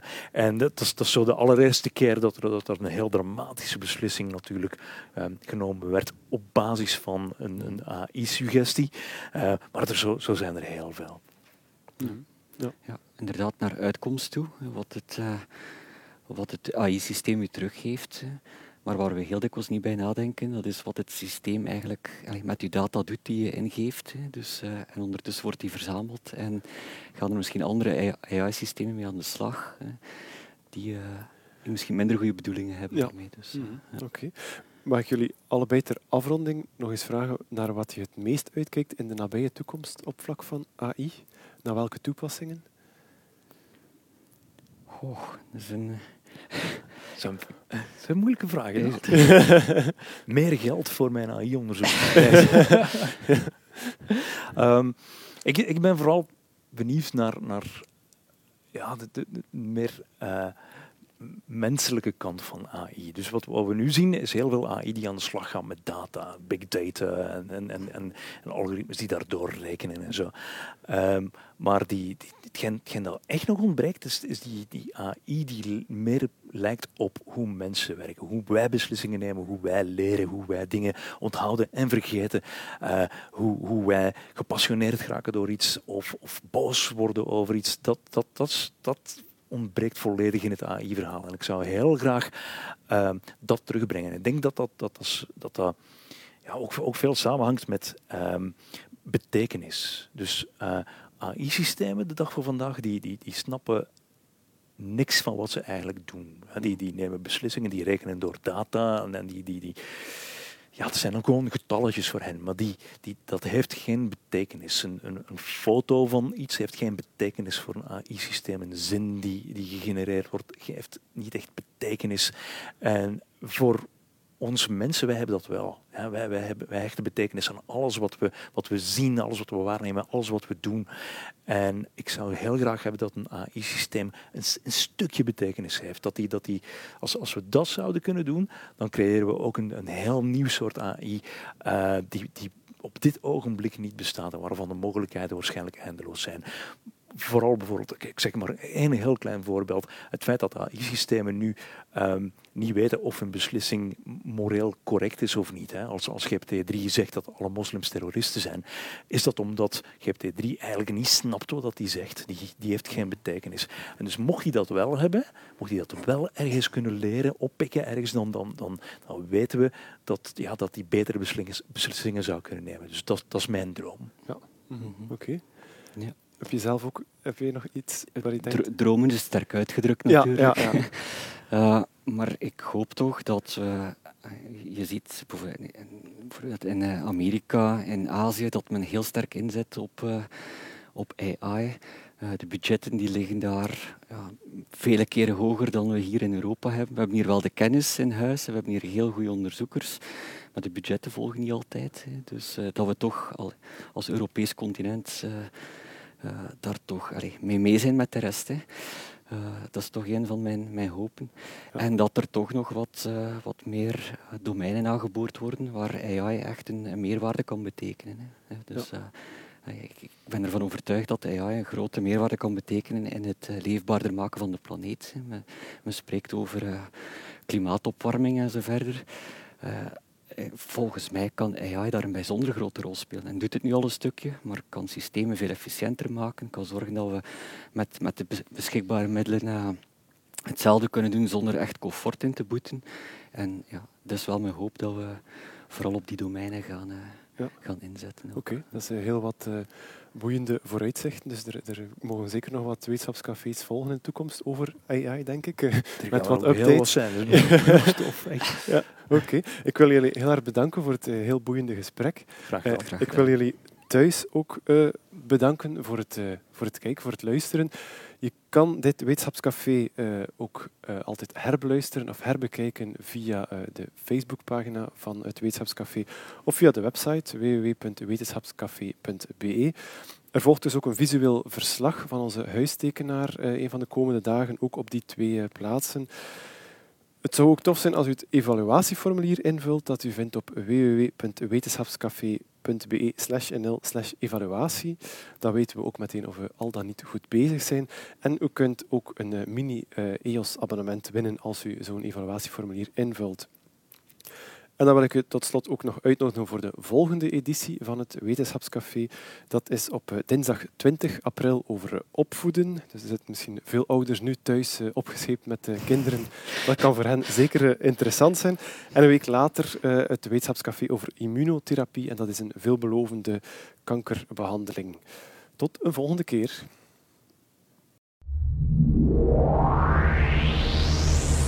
very long time ago, the universe simply burst into existence. An event called Het Wetenschapscafé. Wetenschap tussen pot en pint. Voor iedereen met een gezonde dorst naar kennis.